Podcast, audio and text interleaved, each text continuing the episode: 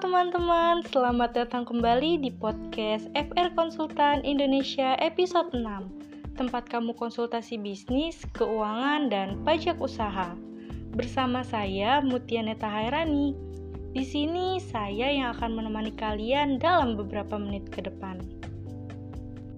Hampir setiap orang pasti memimpikan menjadi seorang pembisnis yang sukses dan besar Memulai sebuah bisnis mungkin membutuhkan modal dan biaya yang tidak sedikit.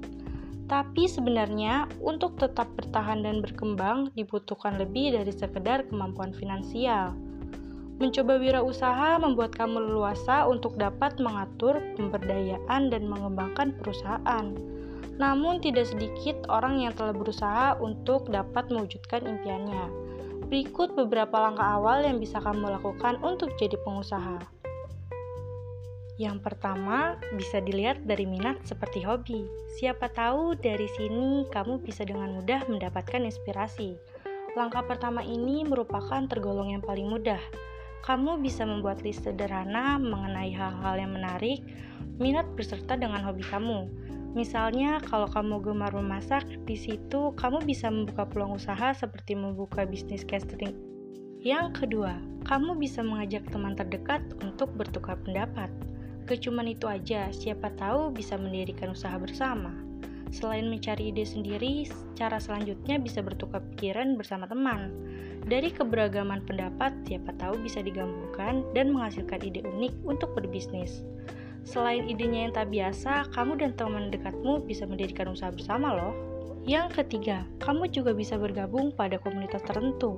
Dengan bergabung pada komunitas ataupun seminar, kamu dapat memperluas jaringan dengan bertemu banyak orang baru, mempelajari banyak ilmu dan pengalaman bisnis. Siapa tahu usaha yang kamu rintis bisa meningkat pesat dan jaringan bisnisnya bisa meluas. Yang keempat, kamu bisa memperhatikan modal yang dimiliki agar bisa menyesuaikan dengan bidang bisnis yang digeluti.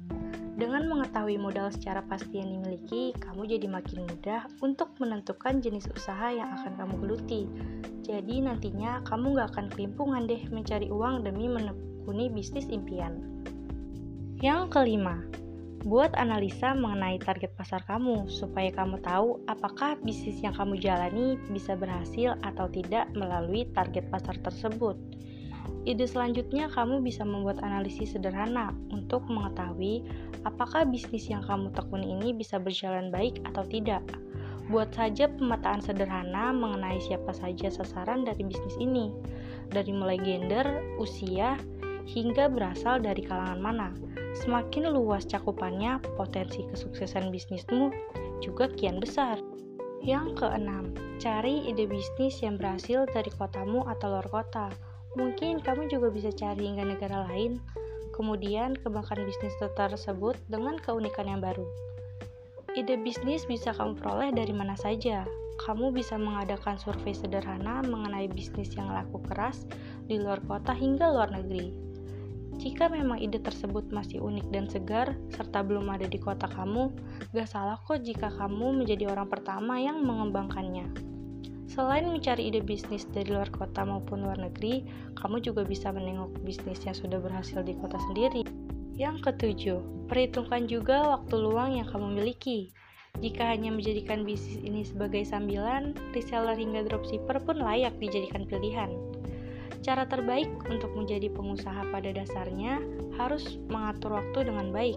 Selain menilik dari sisi modal, kamu juga bisa memperhitungkan waktu luang yang kamu miliki. Jika memang kamu akan memfokusi diri pada bisnis, maka kamu dapat menjajal bisnis usaha yang memang menyedot banyak waktu.